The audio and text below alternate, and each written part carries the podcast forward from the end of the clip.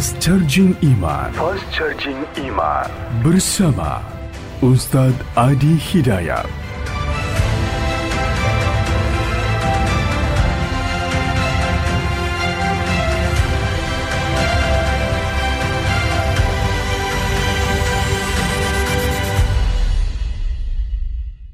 Apakah bekerja di hotel konvensional merupakan perbuatan dosa? Teman-teman sekalian, perbuatan dosa itu jelas ukurannya, ya. Sesuatu yang membuat hati gelisah, tidak tenang saat disaksikan oleh orang lain, itu dosa. Sesuatu yang membuat hati tenang, tidak ada masalah orang lihat, itu berpahala. Apa contohnya? Antum ke masjid, nggak pengen kelihatan oleh orang mojok-mojok, mojok-mojok, mojok-mojok, takut kelihatan. Kalau takut gelisah, karena apa yang dilihatnya? Yang dilihat kotak infak, bawah, saya kan? Nah, itu itu dosa namanya. Sama di hotel juga kerja di hotel. Kalau memang perbuatan itu melahirkan dosa, maka ada indikasi-indikasi kepada hati nggak enak. Apa turunannya? Mungkin jauh dari ibadah. Hotel yang membuat antum susah sholat. Hotel yang membuat antum susah zikir. Mau zikir susah, mau sholat nggak boleh. Macam-macam susah. Ya melihat banyak maksiat dan sebagainya. Maka ini mengindikasikan pekerjaan itu tidak berkah. Ada banyak tapi tidak berkah. Ada sedikit tapi berkah. Antum kerja, rahmatullah. Kerja di pekerjaan misalnya. Maaf, Gajinya banyak, sebulan misalnya 20 juta, tapi sholatnya susah. Tempat lain gajinya 200 ribu, 200 ribu, tapi sholatnya enak, baca Quran nyaman. Pilih mana? Sedikit tapi berkah, banyak tapi nggak berkah. Tidak ada pilihan ketiga, nggak usah nekat kan. Pilih mana? 200 ribu gampang sholat, 20 juta susah sholat, pilih mana? Yakin? Bisa aja. Ya, itu nggak mudah tuh, nggak mudah, nggak mudah. Tapi orang beriman tuh tahu, orang beriman tuh yang dicari berkah, bukan banyak. Makanya ketika Allah membuka pencarian rizki dibedakan antara orang beriman dengan manusia biasa. Silahkan cek Quran surah kedua ayat 168 paling kanan sebelah bawah. Ketika membuka ayat rizki mencari rizki itu dibuka dengan nas disebutkan 241 kali dalam Al-Quran. Ya ayyuhan nas. Ya disebutkan 360 kali dalam Al-Quran. Ayyuha 150 kali. Nas disebutkan 241 kali dalam Al-Quran. Ya ayyuhan nasu. Hei manusia. Di mana aja kalian. Mau jauh mau dekat. Saya tegaskan pada kalian ya. Ya kulu mimma fil ardi halalan tayyibah. Kalau kamu ingin dapatkan makanan. Ingin mapan hidup. Maka bekerja. Silahkan cari kerja. Jangkau sebagian tempat di bumi yang bisa dijangkau. Tapi caranya halal dan tayyib. Halal ikuti regulasi dengan benar. Cari sesuaikan aturan. Aturan dunia apalagi akhirat. Ikuti itu aturannya. Ya ikuti. Tayyibah setelah yang mendapatkan yang halal itu dengan cara yang benar, cari yang baik-baik. Tayyib membuat kebutuhan antum tercukupi. Kalau kebutuhan fisik membuat yang menyehatkan. Kayak orang Arab kalau ditanya kaifa halak, alhamdulillah na tayyib. Tayyib itu artinya baik, sehat, fisiknya kuat, bagus. Alhamdulillah tayyib. Nah kalau cari makan sudah dapat antum dengan cara yang halal, ikutin jangan korupsi, aturan negara diikuti administrasi, apa muslim aturan syariat diikuti. Diikuti dapat misalnya 10 ribu, pengen beli makan, cari dengan makanan itu yang membuat fisik sehat. Jadi nggak semua yang diinginkan pengen dibeli. Itu prinsipnya dalam Quran. Minum, apa fungsi minum? Menghilangkan haus. Kalau bikin hausnya hilang, itu minuman yang bagus. Gak semua minuman itu harus diminum. Udah tahu bikin mabuk, diminum juga. Apa nih? Bir. Enak nggak? Lumayan tuh. Lumayan katanya kan? Ah, lumayan kelihatannya. Bermanfaat nggak? Enggak. Sudah tahu nggak bermanfaat, nggak usah dikonsumsi. Itu nggak sehat. Tinggalin, jauhi. Ini bukan bir, ini vodka. Sama aja. Ini bukan vodka, ini champagne. Udah sama aja, buang. Nggak ada manfaatnya. Yang manfaat itu ambil. Ciri-ciri yang tidak berkah itu adalah kadang-kadang semua pengen dikoleksi. Ya, padahal belum tentu butuh. Ya, mo mohon maaf, variasi itu boleh, tapi berlebihan itu yang tidak boleh. Aduh, Mah, minum dong. Apa pak? Sayang, jus. Jus apa? Buah naga. Oh ya udah. Buah naga yang di mana? Yang di Cina. Oh, pengen ke Cina beli buah naga aja. Tut, balik. Bikin capek. Makanan mau makan. Mah, nasi goreng dong. Ya, tinggal di Lampung. Iya pak, depan tadi persenjangan depan. Kebon Sirih. Kebon Sirih ke Jakarta. Masya Allah, terbang dulu ke sana. Berangkat dulu malam-malam mengejar kebon Sirih. Nyampe sana, tutup. Yun. Nafsu itu namanya. Ya, nah orang beriman beda. Yang dicari keberkahan. Makanya ketika menyebutkan pencarian rizki orang beriman, ini menarik kalimat halalnya dibuang. Tayyibnya kemudian digandakan. Buka Quran surah kedua ayat 172 paling kiri sebelah atas. Ya ayyuhalladzina amanu. Ya ayyuhalladzina amanu. Hei semua orang beriman pakai alladzina disebutkan 1080 kali dalam Al-Qur'an. Semuanya tanpa kecuali. Kulu min tayyibati ma razaqnakum. Silahkan cari rezeki min tayyibat. Halalnya dibuang kalimatnya. Muncul tayyib dijamakkan jadi tayyibat.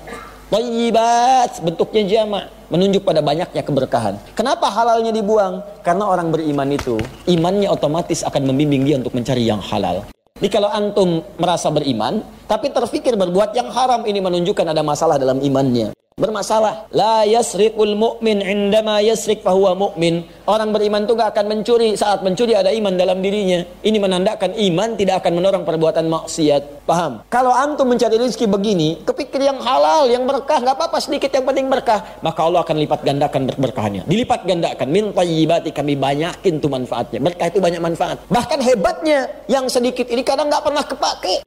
Saya punya teman dulu di Libya, berangkat ke sana sama-sama. Orang awak teman kami itu, Bukit Tinggi. Dia bawa 50 dolar, Pak. Berangkat ke sana 4 tahun, nggak kepake. 50 dolar 4 tahun nggak kepake bahkan dia berusaha berkhidmat dengan uang ini membalas jasa ibundanya saya pengen hajikan ibu saya dan berhasil ada keluarga penghafal Quran itu masya Allah luar biasa itu saya sering sampaikan kisah ini karena inspirasinya bagus ini pak, istrinya penghafal Quran. Nyata ini, punya sanad. Suaminya demikian, anaknya juga hafal Quran. Suaminya kerja mungkin di tempat yang menurut sebagian orang kecil lah. Buruh kuli hebat tuh. Istrinya dan ke sawah, bawa suluh, nyambut suami macam-macam. Tapi Allahu Akbar, setiap datang tamu ke rumahnya. Itu sajian luar biasa lengkap. Ikannya, buahnya macam-macam. Dan dengan bahagianya dia katakan, Alhamdulillah ya, Allah kasih Abi luar biasa setiap pulang bawa uang banyak 500 ribu 500 ribu rasanya begitu. Dan setiap ada buah dia dapat buah. Tetangga bawa buah. Waktu makan tetangga kirim makanan. 500 ribu awet pak. Ada keberkahan di dalamnya. Antum yang mau dicari apa? Itu kan semua titipan. Tinggal bagaimana digunakan. Yang saya sayangkan kadang-kadang kita tidak mengeluarkan petunjuk Quran dalam kehidupan. Harta itu titipan untuk mendapatkan surga. Rumusnya di Quran surah 28 ayat 77 paling kiri sebelah bawah. Wabtaghi fima ataqallahu daral akhirah wa la tansa nasibaka minad dunya. Itu kalimat ini kepada Korun disampaikan. Korun itu orang paling kaya semuka bumi.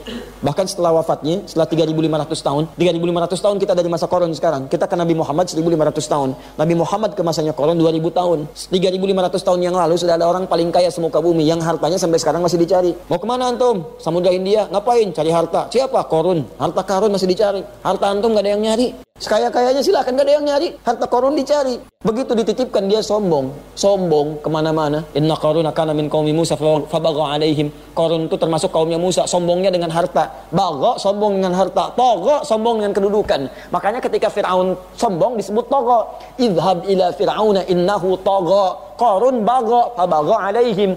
Kedudukan disombongkan disebut togo. Ya sombong dengan harta disebut bago. Korun punya harta, sombong. Apa yang disombongkan? Kunci berangkasnya aja. Itu nggak sanggup dipikul bodyguardnya. Di korun ke mana-mana bawa bodyguard. Bawa ngapain bodyguardnya? Bukan jaga dirinya, cuman ngangkat hartanya aja. Kuncinya, kunci berangkas. Ke mana-mana tunjukin. Antum dah kalau punya berangkas satu, kuncinya dipublikasikan atau disembunyikan. Bodoh menurut saya kalau dipublikasikan. Dapat berangkas, simpan uang. Kuncinya di foto, ceklik, di-upload di Instagram. Kunci berangkas saya.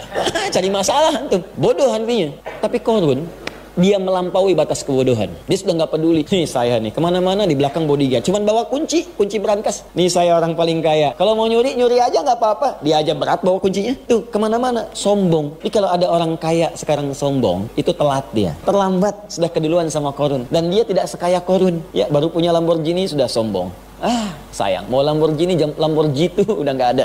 Lewat sama korun tuh. Apa tujuannya ketika dia sombong? Turun hidayah ini bukan untuk itu. Tapi saya turunkan harta banyak itu supaya kamu nyari kemuliaan akhirat. Karena kamu belum bisa bersaing dengan orang yang kamu duga itu hartanya kurang. Dia itu memang harta kurang tapi tenaganya kuat. Dia bangun tahajud tiap malam, puasa Senin Kamis, ayamul bid, kemudian puasa daunnya. Saking disebut kurangnya dia banyak puasa, hafal Quran. Ya kamu jangan hafal baca Quran aja telat. Coba cek, bangun tiap malam susah. Puasa juga sulit. Saya tambah harta supaya dengan harta itu kamu cari surga, saingi dia. Fastabikul khairat turun ayat Quran surah kedua ayat 148 paling kanan sebelah atas. Walikulli wijhatun huwa muwalliha fastabikul khairat. Setiap orang punya kecenderungan beramal yang beda-beda. Ada yang senang tahajud ada yang senang baca Quran ada yang senang menghafal ada yang senang puasa. Nggak apa-apa jangan saling menyoal. Yang ada lomba-lomba dengan amalan itu bisa masuk surga. Fastabikul khairat yang khair dikejar jamakkan khairat. Ayo lomba lomba lomba. Antum merasa tahajud belum bangun maksimal lomba Allah kasih harta. Pandai-pandai melihat dengan harta itu kejar surga. Makanya turun konsep pembagian. Pertama nafkah Quran surah 4 ayat 34. Cek dulu harta berapa? Dapat penghasilan 50 juta. Kebutuhan keluarga 30 juta. Berarti untuk antum itu 30. 20-nya untuk apa? Untuk surga antum yang lainnya. Cari turun zakat. Quran surah ke-9 ayat 103, khudz min amwalihim sadaqah, keluarkan ke delapan golongan, ayat ke-60-nya. Setelah itu ada infak, ya Quran surah kedua ayat 261, keluarkan ke lima golongan, Quran surah kedua ayat 215. Setelah itu ada sedekah yang lainnya, itulah surganya teman-teman sekalian. Kalau sudah begitu berkah kehidupan. Enak, tidak cukup dengan amin. Ayo perubah, ya maksimalkan hidup kita.